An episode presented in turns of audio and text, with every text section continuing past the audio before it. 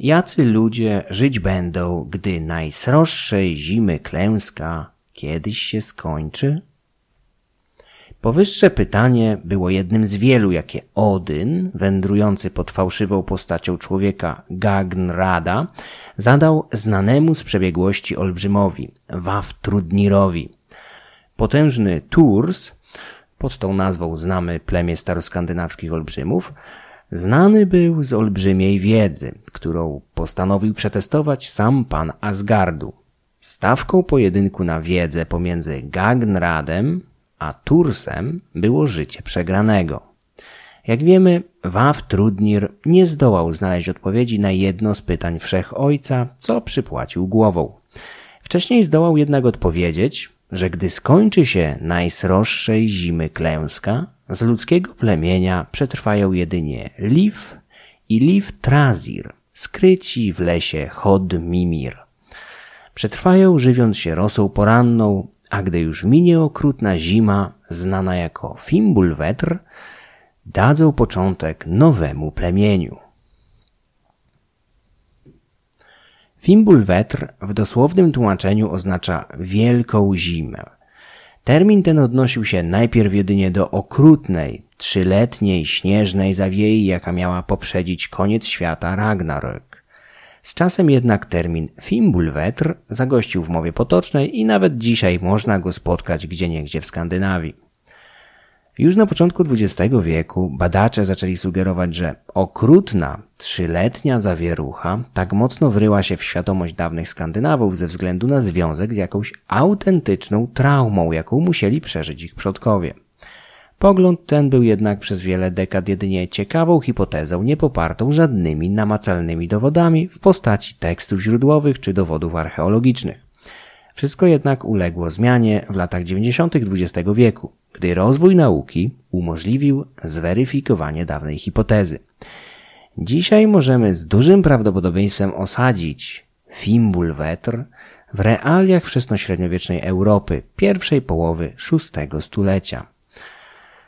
Według pieśni o Wawtrudnirze wielka zima miała zwiastować kres świata, unicestwiający niemal całe życie na ziemi w przygotowaniu do Ragnarök. Podobnie w VI wieku naszej ery na Skandynawię spadła nieprawdopodobna katastrofa naturalna, która dla ówczesnych ludzi musiała być porównywalna z apokalipsą. Nie wszyscy jednak zginęli. Ci zaś, którzy przetrwali, dali początek społeczeństwu o innych cechach aniżeli do tej pory. Ewolucja społeczna przyspieszona katastrofą naturalną z czasem da początek słynnej epoce wikingów, o której zamierzam przygotować przynajmniej kilka kolejnych odcinków. Fimbulwetr będzie ostatnim przystankiem, epilogiem dzisiejszej opowieści, którą zacznę tysiąc lat wcześniej. Skandynawia przeżywała gwałtowny rozkwit w odległej epoce brązu, pod koniec której osiągnęła poziom rozwoju, który na kontynencie europejskim ustępował jedynie temu reprezentowanemu przez leżącą na drugim końcu Europy cywilizację mykeńską. Sieci wymiany handlowej ciągnące się z północy na południe kontynentu istniały setki lat, zanim zostały zburzone przez być może zmiany klimatyczne, jakie zdusiły rozwój półwyspu oraz jego populacji od około 700 roku przed naszą erą. Długotrwałe ochłodzenie klimatu, jakie wtedy nastąpiło, przez niektórych badaczy jest również wysuwane na kandydata do zainspirowania legendarnej Fimbulwetr, ale zazwyczaj przegrywa z katastrofą z VI wieku naszej ery. Palinologia, czyli dziedzina nauki zajmująca się badaniem pyłków roślin oraz zarodników grzybów, potwierdza przypuszczenia klimatologów. Pomiędzy 700 a 500 rokiem przed naszą erą lasy zaczynają wkraczać na tereny uprawne w Szwecji i Danii. Nordycka epoka brązu, charakteryzująca się łagodnym klimatem, idealnym dla rozwoju rolnictwa i wzrostu populacji, odchodzi powoli, acz nieubłaganie w niepamięć. Zaczynają się również migracje ludności, głównie w kierunku południowym. Zdaniem lingwistów istniał już wtedy język protogermański, który musiał powstać w południowej Skandynawii podczas nordyckiej epoki brązu. Potomkowie późniejszych Germanów ponieśli ten język na południe, do północnych Niemiec oraz na wybrzeża południowego i zachodniego Bałtyku. Naturalnie Skandynawia nie wyludniła się bez reszty. Istniała ciągłość osadnictwa, aczkolwiek znacznie zmniejszył się areał ziemi uprawnej. Pozostała ludność mocniej skupiła się na myślistwie i rybołówstwie. Po 700 roku przed naszą erą liczba ludności spadła, a struktura społeczna zachwiała się w posadach, co objawiło się zanikiem dawnych elit oraz wyłonieniem skromniejszego społeczeństwa. Część populacji zaczęła emigrować ze Szwecji, Danii i Norwegii na cieplejsze południe, powoli wkraczając do północnych Niemiec i zachodniej Polski. W ten sposób Germanie zaczęli rozpychać się w Europie. Z początku jednak robili to nieśmiało, gdyż na kontynencie zaczynał się wówczas czas Celtów, prących z południa. Ci ostatni na następne kilka stuleci mieli stać się główną siłą sprawczą od Półwyspu Iberyjskiego aż do anatolijskiej Galacji, krainy nazwanej tak od osiadłych w niej Galów. Perturbacje polityczne, jakie wywołali Celtowie przemierzający Europę z zachodu na wschód oraz Scytowie idący z przeciwnego kierunku, przerwały szlaki handlowe prowadzące z południa kontynentu do leżącej na północy Skandynawii, która dodatkowo musiała zmagać się ze wspomnianymi zmianami klimatycznymi rozciągniętymi na kilka stuleci. Pomiędzy 500 a 200 rokiem przed naszą erą, czyli w czasach, gdy nad Morzem Śródziemnym rozkwitała kultura klasycznych Aten, w siłę rosła Kartagina, a w końcu do wyprawy na wschód szykował się Aleksander Wielki, Skandynawia przeżywała coś, co można nazwać zapaścią. Dobra importowane z południa stały się rzadkością. Były tak cenne, że poddawano je wielokrotnemu recyklingowi, aż w końcu po wielu latach czy nawet dekadach lądowały w grobach kolejnych pokoleń jako drogocenne precjoza z poprzednich epok. W północnych Niemczech i zachodniej Polsce narodziły się wówczas dwie kultury przez badaczy zwane jastorwską i pomorską. Były one najprawdopodobniej efektem spotkania emigrujących z północy, uciekinierów z terenu dawnej nordyckiej epoki brązu oraz ludów celtyckich i bałtyjskich nadciągających z południa bądź już mieszkających na tych terenach. Nie sposób przenosić na te dawne kultury naszych obecnych kategorii kulturowych, gdyż nie pozostawiły one po sobie pisma, albo przynajmniej my sami nie byliśmy jeszcze w stanie znaleźć żadnego dowodu na jego istnienie.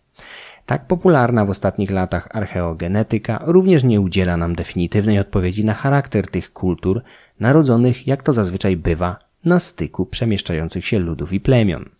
Badania kopalnego DNA są jeszcze ciągle w powijakach, a największym problemem, przed jakim stoją badacze, jest znikoma ilość próbek pochodzących z tak odległych epok. Te, którymi dysponujemy, potwierdzają dotychczasowe przypuszczenia. Dawni Germanie, tak jak i dzisiejsi zresztą, należą do jednej z najbardziej zdywersyfikowanych genetycznie populacji w dzisiejszej Europie. Nie jest to zresztą zaskoczeniem, gdyż Germanie przez ostatnie 3000 lat znajdowali się w samym centrum kontynentu, chętnie migrując oraz przyjmując na siebie liczne fale migracyjne, szczególnie ze wschodu. W tym czasie Wraz z eksploatacją rudy darniowej rozpoczęła się nordycka epoka żelaza, która pozwoli uniezależnić się miejscowym populacjom od nieprzewidywalnych dostaw cyny i miedzi niezbędnych do wytworzenia brązu. Żelazo pozyskiwane z rudy darniowej nie było co prawda najwyższej jakości, ale dodatkowo zmniejszało znaczenie lokalnych elit, które zdołały zmonopolizować dostawy cyny i miedzi, a tym samym zdobyć wyjątkową pozycję w swoich społecznościach podczas epoki brązu. Teraz każdy, kto natrafił na rudę darniową w pobliskim bagnie, mógł zacząć produkcję swoich narzędzi oraz broni. Ówczesne społeczeństwa żyły niemal wyłącznie z uprawy roli i hodowli zwierząt. To też ochłodzenie klimatu z przełomu VII i VI wieku przed naszą erą musiało odcisnąć się szczególnym piętnem na ich mentalności. W 1950 roku w małej miejscowości Tollund, niedaleko duńskiego Silkeborgu, na Półwyspie Jutlandzkim, odkryto świetnie zmumifikowane zwłoki mężczyzny z tego okresu. Denat, zmarły pomiędzy 405 a 380 rokiem przed naszą erą, został zamordowany, a jego zwłoki złożono w miejscowym torfowisku. Z początku wysuwano hipotezy, że mógł być jakimś lokalnym przestępcą, ale dokładniejsze oględziny podważyły tę hipotezę. Mężczyzna miał około 40 lat. zaledwie 1,61 m, co nawet w tamtych czasach uplasowało go poniżej średniej. Człowiek Stolund był krótko ostrzyżony, musiał się także regularnie golić. Na jego brodzie znaleziono bowiem zaledwie jednodniowy zarost. Przed śmiercią zdołał zjeść śniadanie, którym była owsianka z jęczmieniem, lnem, nasionami dzikich zbóż. W żołądku nie znaleziono mięsa ani świeżych owoców, co nasunęło wniosek, że Denat zmarł w zimie. Zwłoki znaleziono w pozycji embrionalnej z pętlą sznura na szyi, co wyjaśniało sposób jego śmierci. Oczy i usta człowieka Stolund zostały zamknięte po zgonie. Nie wydaje się więc możliwe, aby został zabity i porzucony w ramach zemsty za jakieś przestępstwo. Najprawdopodobniejszą teorią tłumaczącą zgon człowieka z torfowiska jest złożenie w ofierze. Być może dla przebłagania bóstw odpowiedzialnych za urodzaj i obfite plony. Jeżeli człowiek Stolund rzeczywiście został zabity zimą bądź wczesną wiosną, to mógł stanowić ofiarę złożoną celem wybłagania urodzaju w przyszłym sezonie. Mężczyzna znaleziony w jutlandzkim torfowisku nie jest jedynym egzemplarzem podobnych praktyk. Jest jednak najsłynniejszym ze względu na bardzo dobry stan zachowania, szczególnie twarzy, której rysy możemy odtworzyć z olbrzymią dokładnością. Torfowisko zmumifikowało jego zwłoki tak dobrze, że duńscy policjanci byli w stanie w 1976 roku skutecznie pobrać jego odciski palców. W tym samym torfowisku w 1938 roku, zaledwie 60 metrów od miejsca odkrycia ciała mężczyzny, znaleziono inne zwłoki, tym razem kobiety. Tak zwana kobieta z Elling prawdopodobnie również została złożona w ofierze. W chwili śmierci miała około 25 lat. Ustalenie jej płci było możliwe dzięki analizie miednicy. Pewną poszlaką była także fryzura, w tym charakterystyczny, długi na niemal 90 cm warkocz. Kobieta z Elling jest znana głównie dzięki zachowanym w świetnym stanie włosom. Jej twarz była zaś kompletnie zdeformowana już w momencie odkrycia. Zginęła prawdopodobnie w tym samym okresie, co znaleziony kilkadziesiąt metrów dalej mężczyzna, chociaż dokładna data nie może być ustalona. Oboje mogli być ofiarami rytuałów o podobnym charakterze i celu. Okolica dzisiejszego Silkeborgu na Półwyspie Jutlandzkim zawiera więcej równie drastycznych znalezisk. W pobliskim Graubale odkryto w 1952 roku kolejne świetnie zachowane zwłoki mężczyzny. Tak zwany mężczyzna z Graubale został odkryty w stanie jeszcze lepszym aniżeli ten pochodzący z Stollund. Za wyjątkiem nieco zdeformowanej twarzy, przez co prawdopodobnie nigdy nie doczekał się porównywalnej kariery w popkulturze i zbiorowej świadomości. Ciało Denata jest tak dobrze zachowane, że i w jego przypadku udało się pobrać odciski palców. Mężczyzna był dość zdrowy, jego ciało nie nosiło śladów ciężkiej pracy, chociaż we wczesnej młodości musiał cierpieć na okresowe niedożywienie. Trzydziestolatek został z całą pewnością celowo zamordowany, o czym świadczy jego gardło, fachowo poderżnięte jakimś ostrym narzędziem praktycznie od ucha do ucha.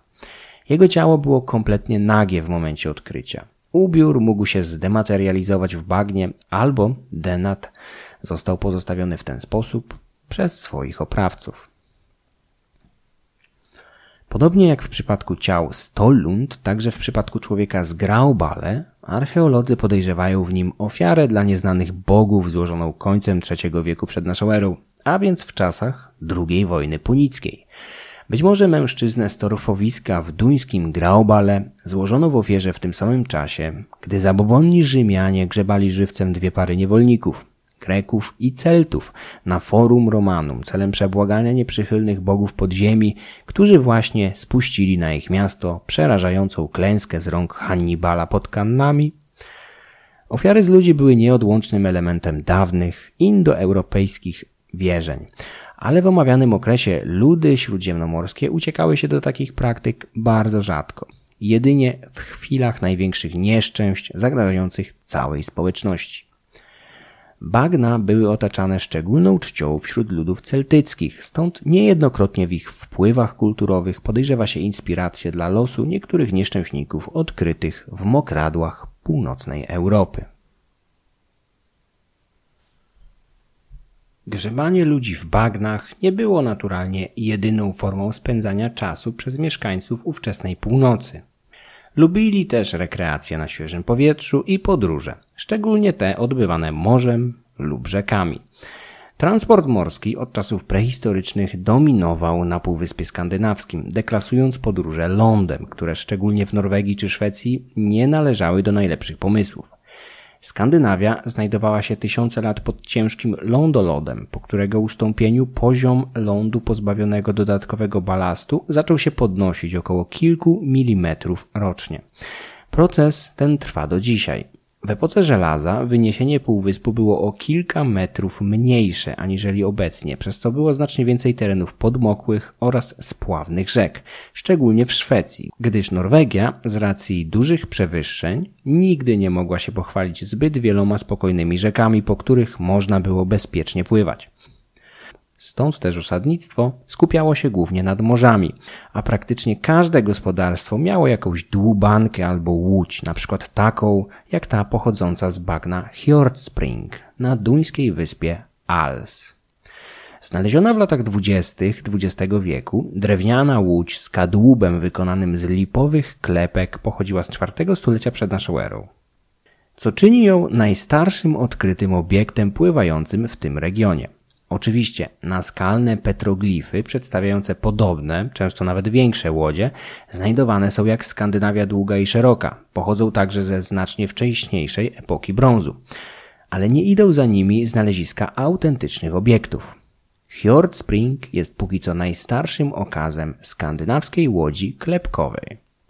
Łódź z Fjord Spring bliźniaczo podobna do swoich przodków z naskalnych petroglifów z epoki brązu, należała najpewniej do wyposażenia członków jakiejś nieudanej wyprawy rabunkowej, która spadła na wyspę Als lub jej okolice, ale została odparta przez mieszkańców. Lokalna społeczność wypełniła następnie łódź bronią pokonanych najeźdźców i zatopiła ją w miejscowym bagnie, czyniąc z niej zapewne ofiarę dziękczynną dla jakichś anonimowych bóstw zainteresowanych kolekcjonowaniem złomu.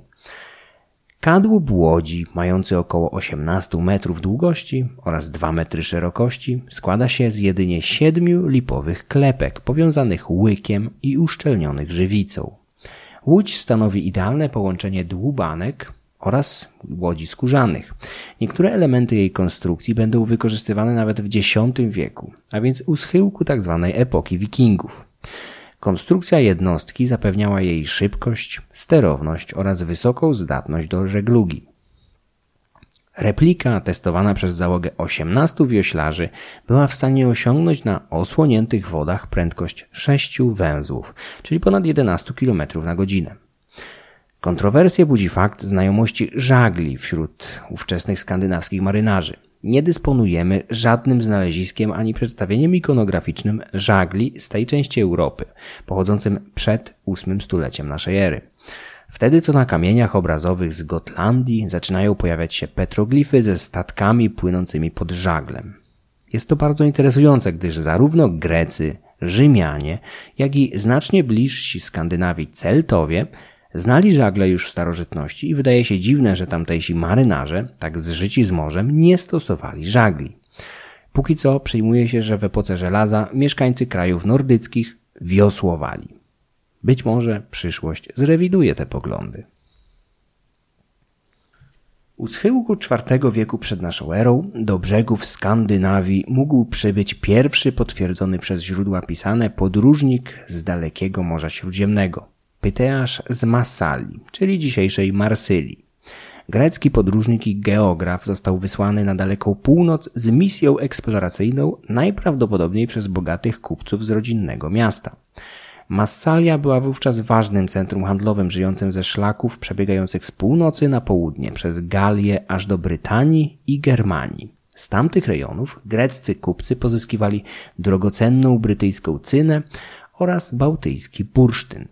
W IV wieku przed naszą erą wyrosła im poważna konkurencja w postaci federacji miast etruskich, które również usadowiły się nad Doliną Padu, gdzie przechwytywały dużą część bursztynu przybywającego z północy słynnym szlakiem bursztynowym.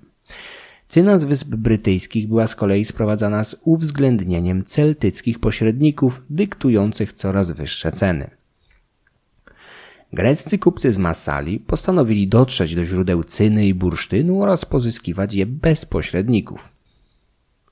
Podróż Pyteasza, opisaną przez niego w jego dziele o oceanie, znamy dzisiaj jedynie z fragmentarycznych odpisów oraz polemik, jakie toczyli z nim już po jego śmierci Strabon, Eratosthenes czy Klaudiusz Ptolemeusz.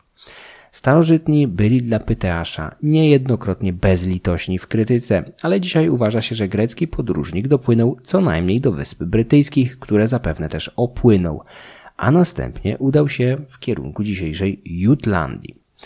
To zakładamy z pewnością. Tematem dyskusji i kontrowersji jest tajemnicza wyspa Tule, do której Grek dopłynął po sześciodniowym rejsie na północ od Brytanii. Kandydatami do miana Tule są Wyspy Owcze, Islandia i Norwegia. Opis wielkiej wyspy otoczonej lodem, zamieszkanej przez ludzi żyjących z hodowli bydła, oddalonej o sześć dni drogi od Szkocji, nie pasuje poprawdzie do żadnej z trzech potencjalnych lokacji. W ostatnich latach Tule utożsamia się najczęściej z Islandią, przyjmując, że wzmianka o zamieszkujących ją wówczas ludziach była błędem jakiegoś kopisty i w rzeczywistości odnosiła się do Brytanii. Prywatnie jestem zwolennikiem starszej hipotezy lokującej Tule w Norwegii. Sześć dni w zupełności wystarczy, aby dotrzeć z Wysp Brytyjskich do Norwegii, chociaż nie leży ona idealnie na północ od punktu wyjścia. Nie jest co prawda wyspą, ale w czasach Pyteasza nikt nie opłynął całego Półwyspu Skandynawskiego i powszechnie wierzono, że ma on charakter wyspiarski. Przynajmniej jeżeli mówimy tutaj o podróżnikach z Morza Śródziemnego. Norwegia była wówczas zaludniona, a opis praktyk ludności spotykanej przez Pyteasza w Tule dobrze koreluje z tym, co wiemy o ówczesnej ludności z epoki żelaza. Tule Pyteasza miała znajdować się w okolicy lodowego oceanu, a noce trwały tam zaledwie 2-3 godziny. W Europie taka długość nocy ma miejsce podczas lata na 64 stopniu szerokości geograficznej północnej. W grę wchodzi więc jedynie Islandia i Norwegia, obie oddalone o kilka dni rejsu od Wysp Brytyjskich. Pytasz donosi, że mieszkańcy Tule byli wyjątkowo biegli w pszczelarstwie i pozyskiwaniu miodu, co bardzo pasuje do Norwegii. Poza tym mieli oni zwyczaj młócić zboże w zamkniętych pomieszczeniach, co robili ze względu na niewielką ilość dni słonecznych i częste deszcze. Niektórzy uczeni zwracają wręcz uwagę, że grecki wyraz tule jest zniekształconym norweskim tele, oznaczającym zamarzniętą ziemię. Norweski polarnik i podróżnik Fridtjof Nansen zdecydowanie widział w Pyteaszowej Tule swoją ojczyznę. W podobnym tonie wypowiadał się mediewista profesor Jerzy Strzelczyk. Lokalizacja Tule nie jest jedynym znakiem zapytania w relacji greckiego geografa. Przyjmuje się, że w ostatnim etapie podróży dopłynął co najmniej do Jutlandii, ale można spotkać się ze spekulacjami, jakoby wpłynął na Bałtyk, docierając tym samym do źródła, z którego wydobywano bursztyn. Grek zdołał dotrzeć po kilku latach z powrotem do Masali, ale jego relacja albo spotkała się z dezaprobatą i brakiem wiary, albo też celowo podważano ją, aby zniechęcić konkurencję do pójścia śladami podróżnika. Świat śródziemnomorski pod postacią Pyteasza po raz pierwszy w sposób namacalny dotknął Skandynawii, ale póki co nie przełożyło się to na zwiększenie wzajemnych kontaktów. W porównaniu ze splendorem wcześniejszej epoki brązu, Skandynawia we wczesnej epoce żelaza znalazła się na kompletnych peryferiach. Zdaniem archeologa profesora Barrego Canleafa stała się wręcz zaściankiem. Gdy na południu wrzały wielkie wojny o panowanie nad zachodnim akwenem Morza Śródziemnego, zwane przez nas punickimi, Skandynawia dopiero zaczęła podnosić się z zapaści wywołanej odległymi zmianami klimatycznymi i przerwaniem szlaków handlowych z południem Europy. Kolejne dwa stulecia upłynęły pod znakiem wzrostu germańskiej populacji zarówno w Skandynawii, jak i na południe od niej. Coraz liczniejsze plemiona parły bez ustanku na wschód i południe, wypierając słabnących Celtów z ich dotychczasowych siedzib. W tym samym czasie kontynent europejski żyje w cieniu największego organizmu państwowego w jego dotychczasowej historii Imperium Romanum. Najpierw republika, a następnie cesarstwo zdołało opanować lub uzależnić od siebie praktycznie wszystkie wybrzeża Morza Śródziemnego, zamieniając ten akwen w Mare Nostrum, nasze morze. Wielki, a zarazem niespokojny akwen stał się arterią łączącą wszystkie wybrzeża jeszcze do niedawna podzielone na liczne, niezależne organizmy polityczne. Rzymianie zaczęli jednak patrzeć na północ. Awanturnicze kampanie Juliusza Cezara wciągnęły w rzymską orbitę pozostałą część Galii, aż do dzisiejszego kanału La Manche, Holandii i Niemiec. Dwie wyprawy do Brytanii ciężko uznać za szczególnie owocne. Wyspa mogła póki co odetchnąć. Upłynie niemal 100 lat, zanim kolejny Gajusz, syn Germanika, znany powszechnie jako Caligula, odkurzy pomysł podboju mglistej i tajemniczej wyspy. Plan zrealizuje zaś jego wuj Klaudiusz. Podczas kampanii galijskiej Rzymianie weszli w bezpośredni kontakt z wojowniczymi plemionami mieszkającymi za Renem, które określili mianem Germanów. W ten sposób zwało się pierwsze z tych plemion, na które natrafił Cezar. Nazwę przeniesiono na wszystkie pozostałe i tak pozostało do dzisiaj w dużej części świata. Germanie, których spotkał Cezar, byli jedynie pierwszymi przedstawicielami licznych plemion zamieszkujących wówczas tereny dzisiejszych Niderlandów, północnych Niemiec, zachodniej Polski, Danii, południowej Szwecji i Norwegii. Wyznaczenie realnego zasięgu ich osadnictwa było niemal tak samo trudne w czasach Cezara, jak i kilka dekad później. W pierwszym wieku naszej ery mroki rozświetlą nieco pracę choćby Tacyta czy Klaudiusza Ptolemeusza. Na ich podstawie badacze wnioskują, że granicami ówczesnego germańskiego osadnictwa był Ren na zachodzie, Wisła na wschodzie oraz Alpy na południu. Problemem była jednak mroźna północ leżąca setki kilometrów od imperialnego Limesu.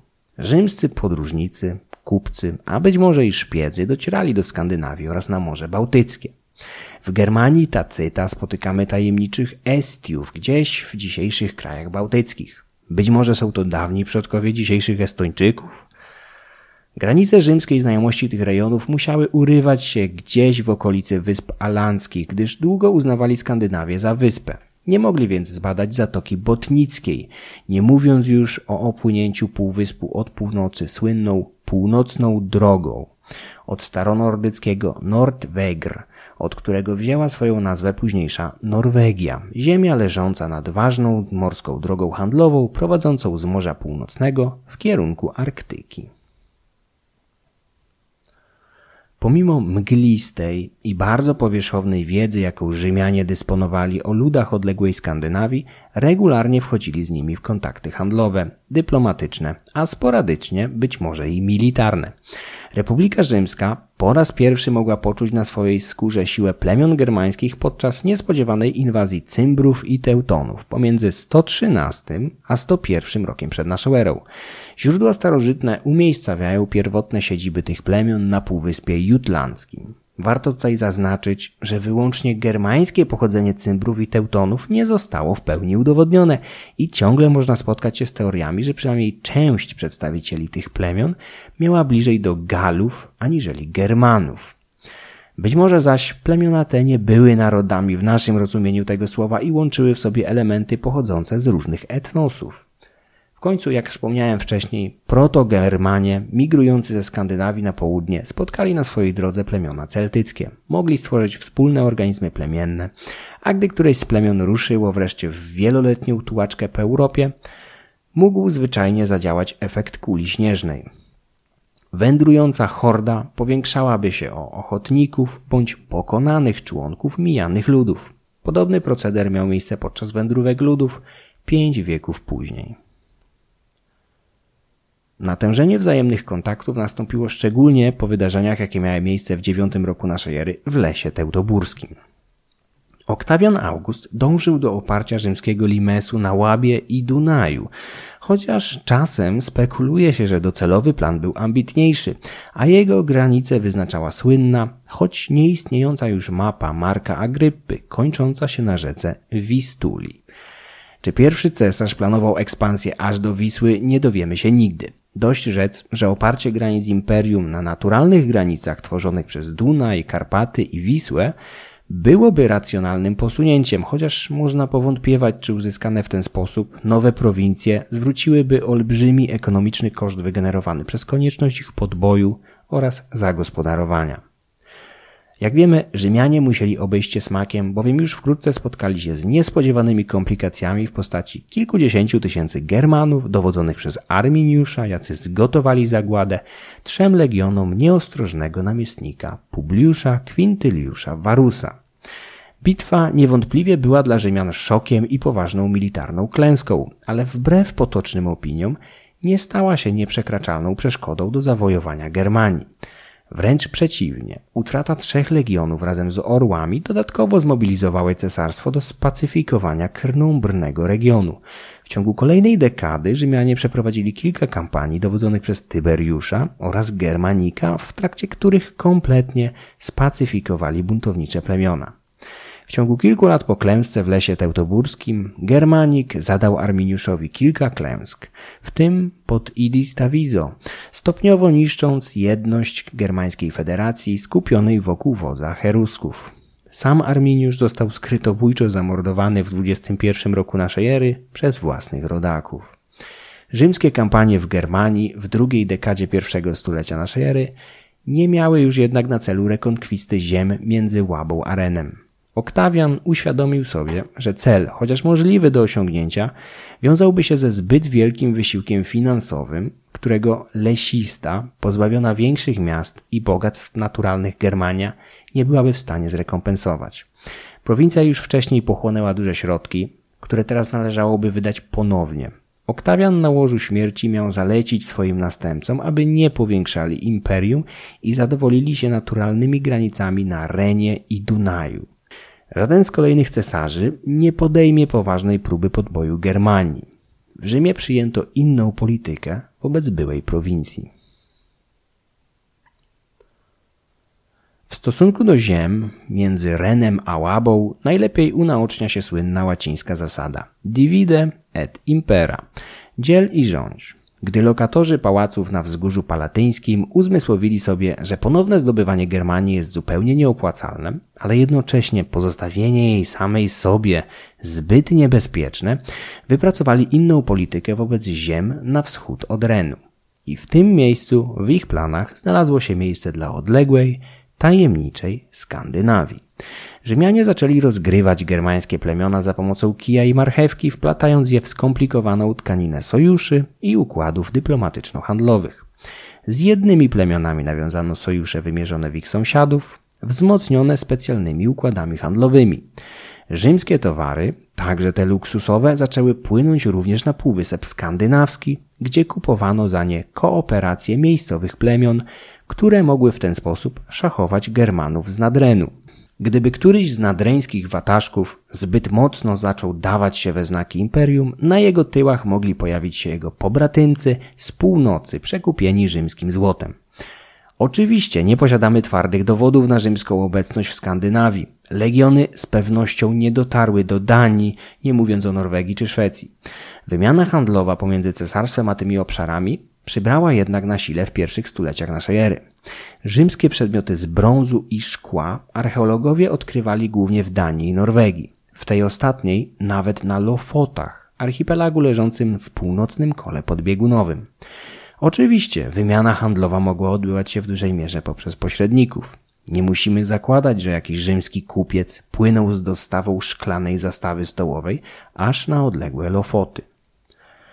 Pierwsze dwa wieki nowego tysiąclecia zapiszą się w historii większej części Europy jako okres niespotykanego wcześniej pokoju i prosperity, gwarantowanej dzięki tzw. Tak Pax Romana, pokojowi rzymskiemu. Ten okres upływał nie tylko pod znakiem względnego spokoju, zapewnionego przez kilkadziesiąt legionów. Klimat na całym niemal kontynencie był wówczas tak sprzyjający rolnictwu, że dzisiaj określa się ten czas jako tak zwane rzymskie optimum. Był to regionalny fenomen klimatyczny, który zapewnił ludom cesarstwa i jego peryferii kilkaset lat stabilnego wzrostu gospodarczego. Cesarstwo, którego gospodarka oparta była głównie na rolnictwie, zanotowało znaczny przyrost ludności. Nie inaczej było także w krajach nordyckich, gdzie już dawno zapomniano o świetności epoki brązu, ale łagodny klimat sprzyjał wzmożonej produkcji rolnej i wzrostowi populacji. Z tego okresu pochodzą również pierwsze dowody na pojawienie się wśród ludów germańskich pisma runicznego.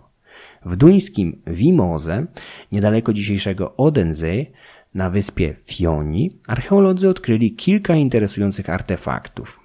Wśród nich grzebień z rogu pokryty pismem runicznym. Obiekt pokryty czymś, co uznaje się za najstarszy znany przykład pisma runicznego, tak zwany starszy futark, datuje się na okolice około 160 roku naszej ery, czyli schyłek rządów Antoninusa Piusa, prawdopodobnie najnudniejszego władcy Imperium Romanum, któremu los pozwolił zarządzać wieloetnicznym cesarstwem u szczytu jego potęgi. Rogowy grzebień z Wimoze nie był jedynym pochodzącym stamtąd elementem pokrytym pismem runicznym. Był jednak najstarszy. Runy wyryte na trzewiku pochwy, grocie włóczni, deskach i klamrze pochodziły z kolejnych dekad. Popkultura otacza runy mgłą tajemnicy, przypisując im najczęściej magiczne właściwości, co jest być może efektem przykładania zbyt dużej i wybiórczej uwagi do średniowiecznych sak i poematów, w których runy pojawiają się najczęściej jako nośniki energii z innego świata, wykorzystywane do rzucania zaklęć bądź leczenia chorób. Rzeczywistość była bardziej prozaiczna. Alfabety runiczne, poczynając od starszego futarku, były zwyczajnymi systemami umożliwiającymi zapisywanie wiadomości, najczęściej bardzo przyziemnych. Dzisiaj właściwie nie ulega wątpliwości, że pierwsze alfabety runiczne były wzorowane na znacznie starszych systemach piśmienniczych dominujących w basenie Morza Śródziemnego. Nie sposób jednak z całą pewnością powiedzieć, czy starszy futark był inspirowany greką, łaciną, językiem Fenicjan, czy też pismem ludów północnej Italii. W ostatnich latach zdecydowanie dominuje teoria łacińska, przyznająca palmę pierwszeństwa Rzymianom. Dla przykładu, runa Sovilo wygląda na bezpośrednie zapożyczenie litery S z łaciny bądź greckiej sigmy. Dzisiaj znamy około 400 różnych inskrypcji w starszym futarku, powstałych pomiędzy II a VIII wiekiem naszej ery, pochodzących głównie ze Skandynawii lub Niemiec. Najstarszy przykład całego alfabetu, zapisanego na tzw. Tak kamieniu z Kylver, odkryto na szwedzkiej Gotlandii. Znalezisko zawierające 24 runy ułożone w kolejności od pierwszej fechu do ostatniej, o talii, datuje się na początek V wieku naszej ery, a więc burzliwy okres wędrówek ludów. W pierwszych wiekach nowego tysiąclecia na północ rzymskiego Limesu pojawia się nie tylko pismo. Da się także zauważyć odrodzenie struktur władzy centralnej. Na południu duńskiej wyspy Fioni, tej samej, na której odnaleziono rogowy grzebień z najstarszą znaną i potwierdzoną bez wątpliwości runiczną inskrypcją, odkryto pozostałości wielkiej hali. W miejscowości Gudme na południowo-wschodnich brzegach Fioni odkryto pozostałości potężnej hali z późnej epoki żelaza o długości 47 i szerokości 8 metrów. Pomiędzy III a VI wiekiem naszej ery w Gudme znajdowała się siedziba jakiegoś anonimowego magnata, księcia, a być może nawet króla, którego farmę otaczały gospodarstwa jego poddanych. Łącznie w miejscowości mogło na stałe przebywać około pół tysiąca osób.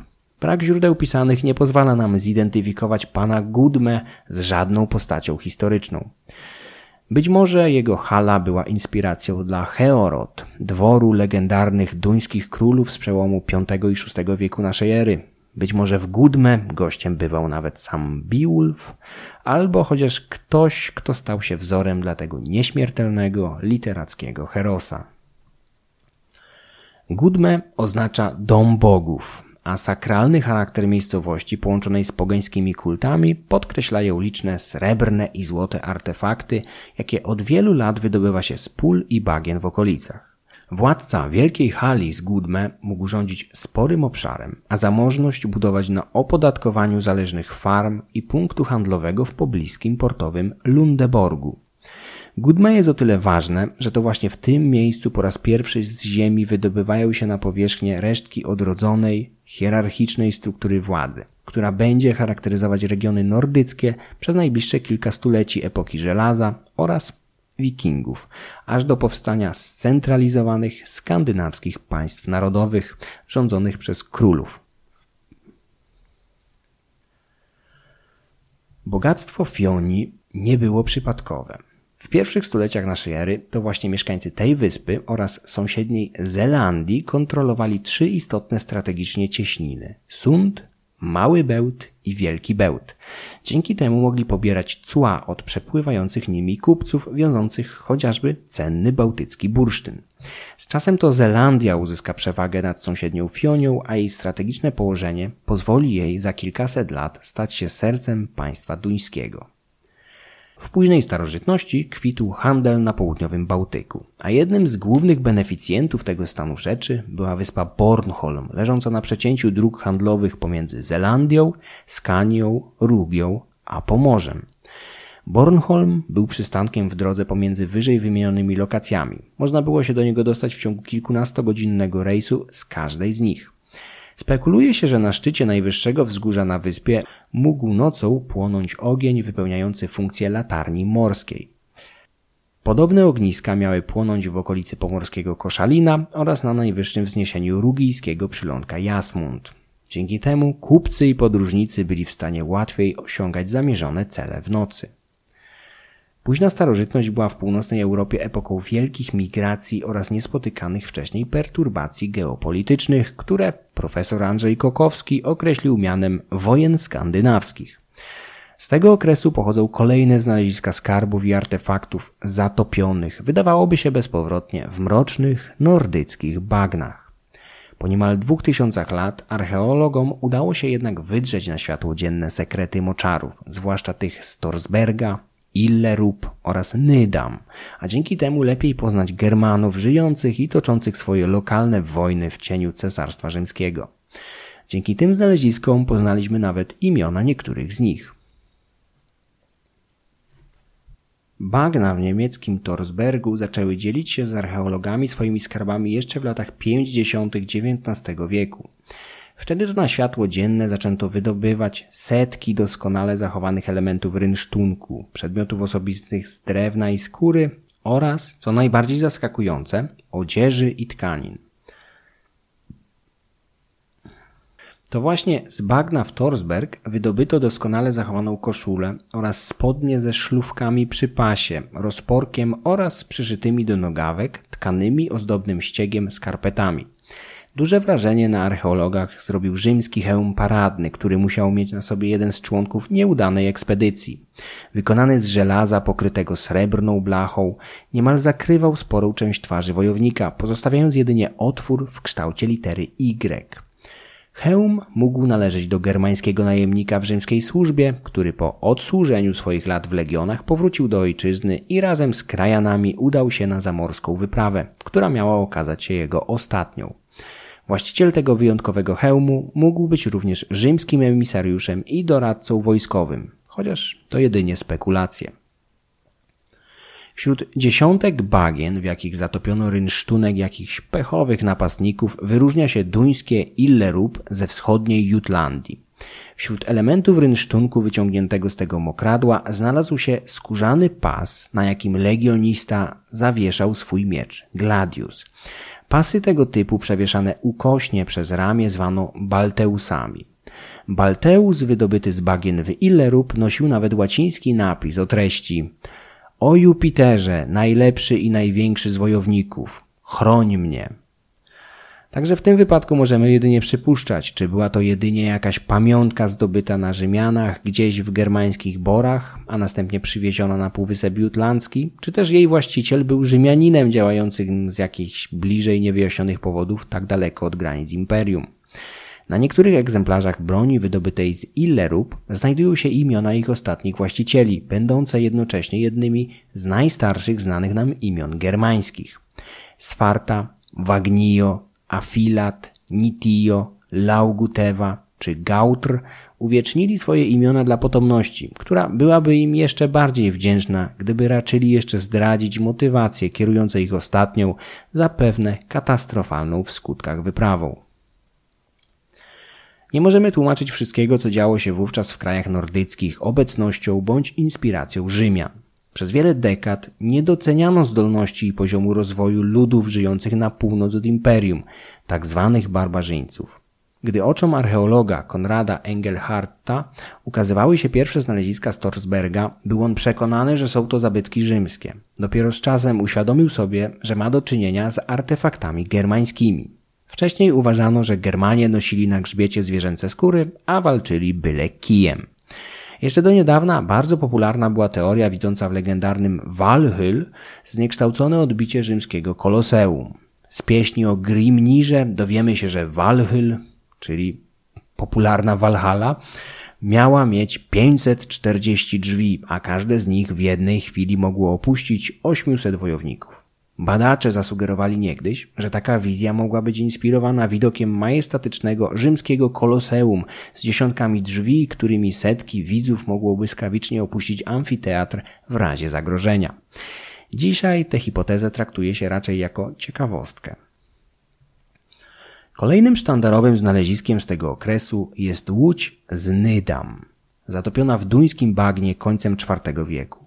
Podobnie jak wcześniejsza konstrukcja z Spring, także jednostka pływająca z Nydam została zatopiona celowo po wcześniejszym wypełnieniu jej bronią, zapewne zdobytą na jakichś anonimowych napastnikach. Dębowa łódź z Nydam stanowi dowód na ewolucję technik szkutniczych w południowej Skandynawii. Jednostka stoi na znacznie wyższym poziomie technicznym od swojej poprzedniczki z Spring. Łódź z Nydam ma 23,5 metra długości, 3,5 metra szerokości oraz głębokość 120 cm. Zbudowana techniką klinkierową z długich, 20-metrowych dębowych desek ułożonych na zakładkę, a następnie usztywnionych żelaznymi gwoździami, a nie jak w przypadku łodzi z Hjord Spring wiązaniami z łyka. Znalezisko jest najstarszym przykładem użycia techniki klinkierowej w szkutnictwie. Techniki wykorzystywanej do dzisiaj. Łódź napędzała siła mięśni 30 wioślarzy. Nigdzie we wraku nie znaleziono śladu po gnieździe masztu żaglowego, co wydaje się potwierdzać przypuszczenia, że żagle nie były wówczas używane w tym rejonie. W łodziach takich jak ta z Nydam żagiel mógłby być w pewnym sensie problematyczny, gdyż tak wąska łódź o tak ostrym przekroju mogłaby stracić stabilność przy mocniejszym podmuchu wiatru. W konstrukcji nie ma również śladu po stępce stabilizującej łodzie i okręty. To rozwiązanie pojawi się dopiero w późniejszej, o ponad trzy wieki, jednostce Skwalsund. Pomimo braku żagla i stępki, łódź z Nydam była kolejnym etapem na drodze do smukłych jednostek z epoki wikingów, na których skandynawscy piraci udawali się na swoje dalekomorskie rajdy. Łódź z Nydam mogła służyć do pokonywania nawet większych akwenów morskich, takich jak Morze Północne. Bardzo prawdopodobne, że to właśnie na takich jednostkach Sasi pokonali Morze Północne, a następnie skolonizowali Anglię. Co prawda pływanie na takich otwartych, płytkich, podatnych na przechyły łodziach nierzadko kończyło się katastrofą, ale najwyraźniej musiały one spełniać pokładane w nich nadzieje, gdyż w słynnym pochówku Saton Hu, datowanym na pierwszą połowę VII wieku naszej ery, znaleziono ślady po bardzo podobnej, choć nieco większej dębowej łodzi, która mogła umożliwić królowi Redwaldowi podróż na tamten świat. Znaleziska Storsberga Illerup i Nydam są jednymi z kilkudziesięciu dowodów na spektakularne klęski, jakie ponosili niejednokrotnie najeźdźcy spadający na duńskie czy szwedzkie osady z epoki żelaza. Niekiedy jednak wynik starcia był odmienny. Tak jak na szwedzkiej Olandii, gdzie w Sandbyborg natrafiono na ślady prawdziwej masakry z okolic 480 roku naszej ery. Olandia jest jedną z większych szwedzkich wysp. Obdarzona wrzecionowatym kształtem może się pochwalić linią brzegową liczącą niemal 500 kilometrów. Pozbawiona naturalnych barier ochronnych nie miała żadnych właściwości strategicznych. Pomimo tego od tysięcy lat osiedlali się na niej ludzie. Końcem V wieku naszej ery na wyspie powstało kilkanaście kamiennych fortów o charakterze wybitnie refugialnym. Umożliwiały one ludności z okolicznych farm schronienie się za murami w razie nagłego ataku z morza. W Sandbyborg mamy do czynienia z jednym z takich fortów. Ten jednak nie zdołał uchronić mieszkańców przed zagładą. Stanowisko archeologiczne w forcie jest dość młode. Wykopaliska na nim trwają dopiero od dekady. Do 2015 roku przebadano zaledwie 2% powierzchni fortu, odkrywając kilkanaście ciał ludzkich i parę zwierzęcych w kilku kolejnych domach. Nie wiemy kim byli napastnicy, ale musieli odnieść kompletne zwycięstwo, w ramach którego dokonali absolutnej masakry wszystkiego, co żyło w forcie. ludzi i zwierząt. Mordowano dzieci, dorosłych i starców. Odkrywane ciała nie mają na sobie żadnych zachowanych elementów odzieży, co wskazuje, że do ataku mogło dojść nocą, gdy ludzie spali nago bądź lekko ubrani. Ciała noszą ślady egzekucji i metodycznie roztrzaskiwanych czaszek. Jeden z chłopców musiał zginąć na kolanach, gdyż jego głowa nosiła ślady ciosów z góry, jakich napastnik nie mógłby wyprowadzić w budynku o tak niskim suficie, jak ten, w którym odnaleziono ciało, gdyby ofiara stała na wyprostowanych nogach.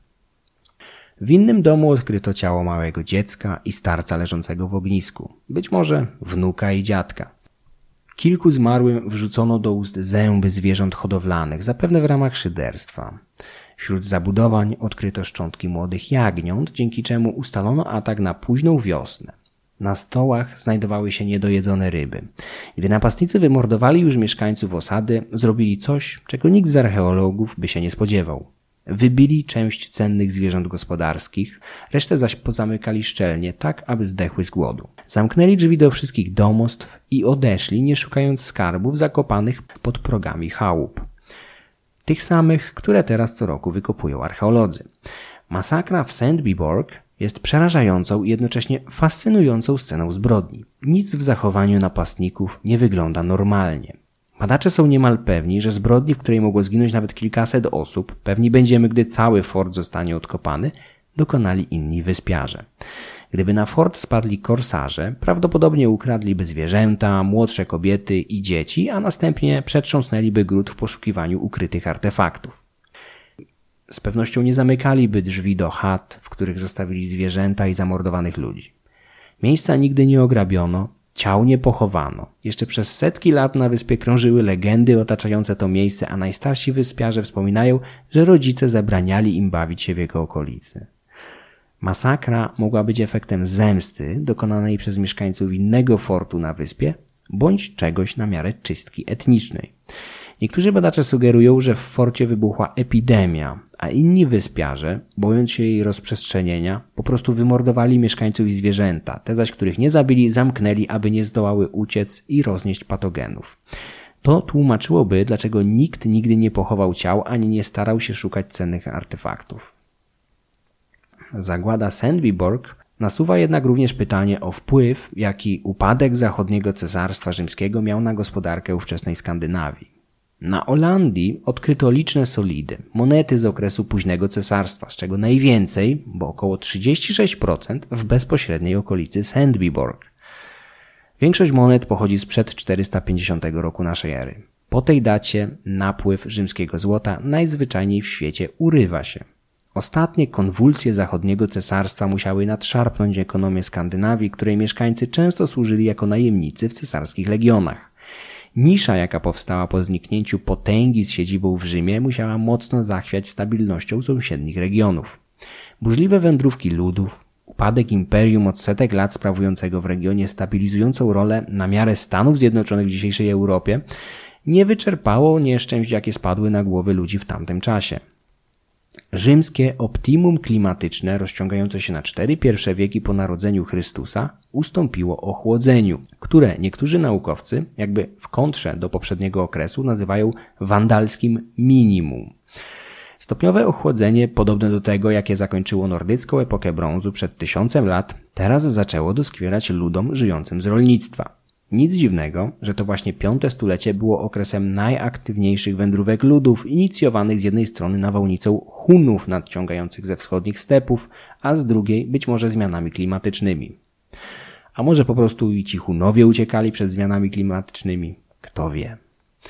Wszystko to było jednak niczym wobec katastrofy, jaka miała spaść na mieszkańców kontynentu, a szczególnie jego północnych peryferiów, w czwartej dekadzie VI wieku naszej ery. W tym miejscu wracamy do legendarnej Wielkiej Zimy, Fimbulwetr, jaka według dawnych legend miała poprzedzać inne globalne katastrofy oraz w końcu Ragnarok, zmierzch bogów i świata.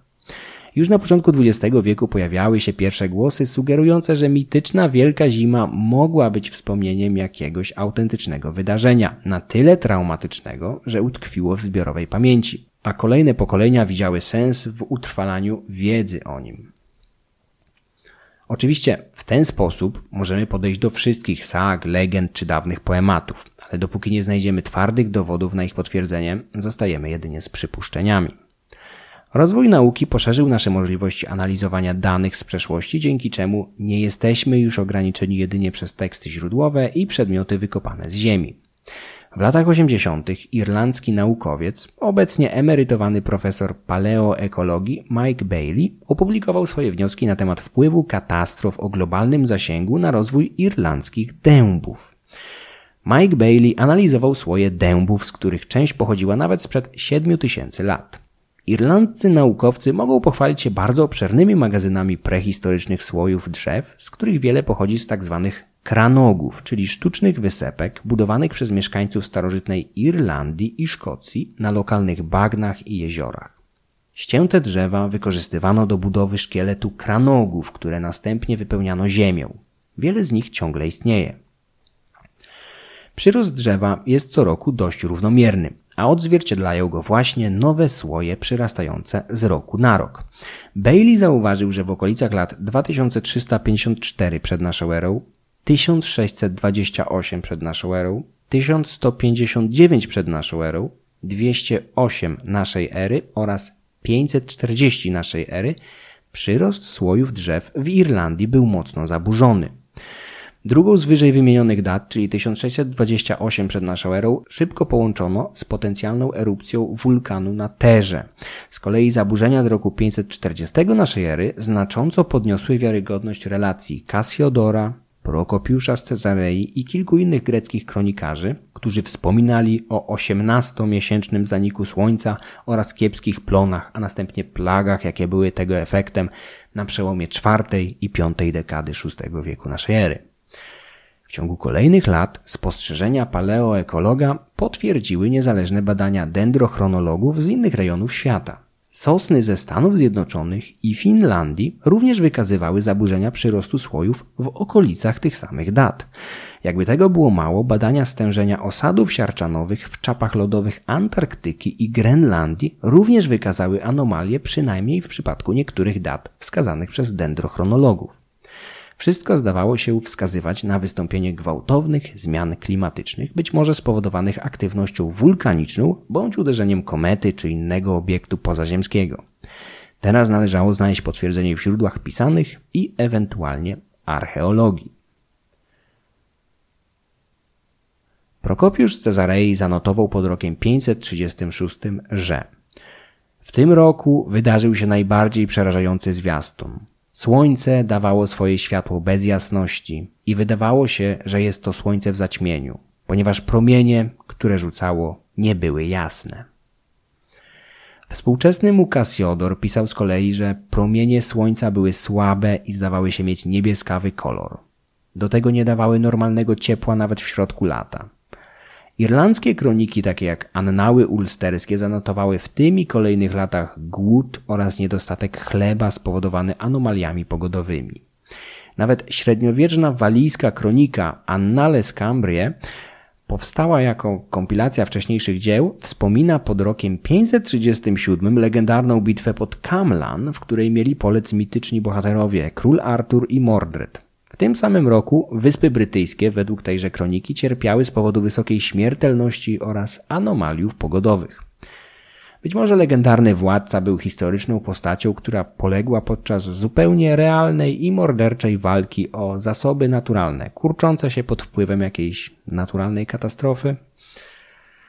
Co jednak działo się wówczas na północy w Skandynawii? Nie dysponujemy źródłami pisanymi opowiadającymi o tych burzliwych latach na północy Europy, ale z pomocą przychodzą nam archeolodzy i klimatolodzy. Wedle ustaleń z 2019 roku średnie roczne temperatury w Skandynawii w końcu czwartej dekady VI wieku naszej ery mogły spaść nawet do 3,5 stopnia Celsjusza. Dla populacji żyjącej w dużej mierze z rolnictwa była to katastrofa. Zwłaszcza, że o ile na południu Europy ziemia zdatna pod uprawę bądź wypas zwierząt jest dość łatwo dostępna, o tyle w Norwegii nawet dzisiaj jedynie 3% powierzchni kraju uważa się za naprawdę zdatną do uprawy roli. Skandynawowie przez niemal całą historię egzystowali na krawędzi ekonomicznego przetrwania, a nagłe ochłodzenie klimatu i osłabienie promieni słonecznych spowodowanych zapewne chmurą pyłową unoszącą się na niebie przez kilka lub kilkanaście miesięcy musiało mieć zabójcze konsekwencje dla całej populacji. Zwłaszcza, że według dość aktualnych ustaleń z 2016 roku pewne negatywne efekty klimatyczne mogły się w jakimś stopniu utrzymać nawet przez 8 dekad po katastrofie z 536 roku oraz następujących po niej nieszczęściach, które, jak wiadomo, lubią chodzić parami. Analiza osadów w czapach lodowych oraz zaburzeń przyrostu słojów w drzewach z czasem przekonały do teorii katastroficznej praktycznie wszystkich sceptyków, ale ciągle nie wiadomo z zupełną pewnością, jaki miała ona charakter. Dominuje teoria wulkaniczna, sugerująca erupcję jednego z tropikalnych wulkanów.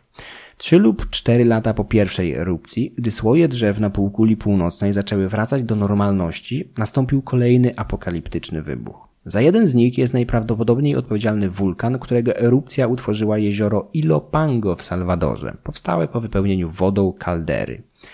Drugim podejrzanym wydaje się być indonezyjski Krakatau, ale nie dysponujemy mocnymi dowodami na poddanie go w stan oskarżenia. W powietrzu unoszą się jedynie wątłe poszlaki. Dwie potężne erupcje w odstępie kilku lat muszą wyglądać na wyjątkowo pechowy zbieg okoliczności. Ale ostatnimi czasy pojawiają się głosy, że w 547 roku doszło do kolejnej, trzeciej erupcji.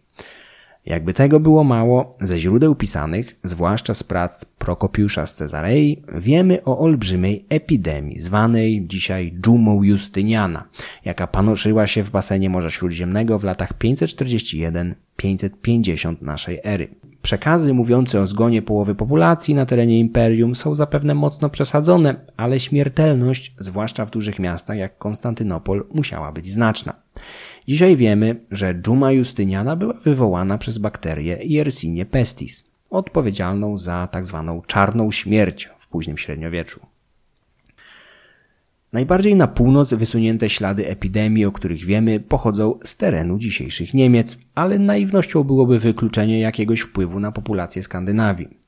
Wystąpienie plagi tuż po zaburzeniach klimatycznych wywołanych prawdopodobnymi erupcjami wulkanicznymi nie jest przypadkowe. Kiepskie zbiory zawsze owocowały głodem, który z jednej strony osłabiał organizmy niedożywionej populacji, czyniąc je bardziej podatnymi na wszelkie patogeny, a z drugiej strony zmuszał ludzi do opuszczania siedzib i wędrowania za pożywieniem, co dodatkowo powodowało roznoszenie ewentualnych patogenów.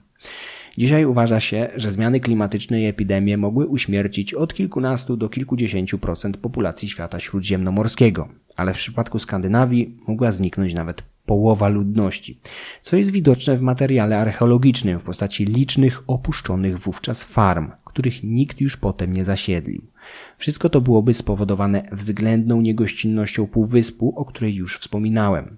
Podobne zaburzenia klimatyczne, jakie miały miejsce na kontynencie ponad tysiąc lat wcześniej, około VII wieku przed naszą erą, nie spowodowały większych perturbacji na południu Europy, ale dla nordyckiej epoki brązu okazały się zabójcze. Z tym, że tamto ochłodzenie było rozłożone na dekady, a nawet całe stulecie, a nie tak jak w 536 roku na miesiące. Wielka zima, jaka zapanowała pod koniec czwartej dekady, mogła odcisnąć się na wierzeniach ludów północy. Snorri Sturluson w swojej Eddzie przepowiada, że Nadejdzie zima, zwana zimą Fimbul. Śnieg spadnie wówczas ze wszystkich stron nieba. Zapanuje silny mróz i ostry wiatr. Słońce przestanie świecić. Trzy takie zimy nastąpią po sobie. Nie będzie między nimi lata. Wcześniej nadejdą trzy inne zimy i na całym świecie rozszaleją się wojny. Bracia będą zabijać braci, chciwi ich mienia. Nikt nie oszczędzi ojca ni syna w czasie masakry krewnych. Po bratobójczych walkach dojdzie do ostatecznej katastrofy. Wilki Skol i Hati połkną słońce i księżyc, inicjując tym samym koniec świata. Co ciekawe, podobne wzmianki o znikającym na całe lata słońcu pojawiają się chociażby w Kalewali, epickim poemacie dawnych Finów. Nie wszystkie regiony Skandynawii zostały dotknięte kataklizmem tak samo. Niektóre, szczególnie te położone na północy, których mieszkańcy żyli bardziej z tego, co dostarczało im morze, przetrwali ciężkie czasy lepiej, aniżeli mieszkańcy południa, bardziej uzależnieni od uprawy roli. Śmierć dużej części populacji w wyniku katastrofy naturalnej musiała odbić się na tkance społecznej oraz stosunkach pomiędzy ludźmi. Bez względu na to, czy byli sąsiadami, członkami tej samej rodziny bądź plemienia, czy też zupełnie obcymi sobie jednostkami. Chaos poprzedniej epoki naznaczonej masowymi migracjami zapewne został dodatkowo spotęgowany nowym nieszczęściem. Mniej więcej w tym okresie w sztuce sakralnej tego regionu zaczynają następować intrygujące zmiany. Niemal kompletnie znikają bowiem tak popularne wcześniej przedstawienia ciał niebieskich, szczególnie Słońca i Księżyca, które można spotkać w słonecznym rydwanie Strundholm z epoki brązu, czy kamieniach obrazowych odkrytych w kościele w gotlandzkiej miejscowości Sanda z okolic 500 roku naszej ery, a więc tuż sprzed katastrofy. Czyżby ludzie stracili wiarę w te ciała niebieskie? Na pewno nie w zupełności. W końcu, nawet w pieśni o Waftrudnirze, Odyn z przekonaniem stwierdzi, że na miejsce słońca połkniętego przez wilka pojawi się nowe. Mądry olbrzym z kolei przepowie przyszłość ludzkości, która przetrwa. Liv i Liv Trazir kryją się w lesie Chodmimir. Rosa poranna jest ich pożywieniem, nowe od nich plemię się zrodzi. Liv i Liv Trazir schowają się zapewne gdzieś w korzeniach bądź gałęziach Yggdrasila i żywiąc się poranną rosą zdołają przetrwać erę zawirowań, podobną do tej, w jakiej pogrąży się Skandynawia w czasach, które zwykliśmy uważać za późną starożytność i wczesne średniowiecze. Z ciężkich i gwałtownych przemian, jakich doświadczyć musieli ludzie w tamtych czasach, zacznie się wyłaniać nowa, silnie zmilitaryzowana elita, która będzie charakterystycznym elementem tkanki społecznej Skandynawii w zbliżających się stuleciach. W stuleciach, które ktoś pomysłowy w XIX wieku ochrzci mianem epoki wikingów. Treść przygotował i przeczytał Michał Kuźniar. Wszystkie wykorzystane źródła znajdziecie w opisie odcinka. Podcast Mroczne Wieki można wspierać na patronite.pl łamane na Mroczne Wieki. Serdecznie dziękuję wszystkim patronom.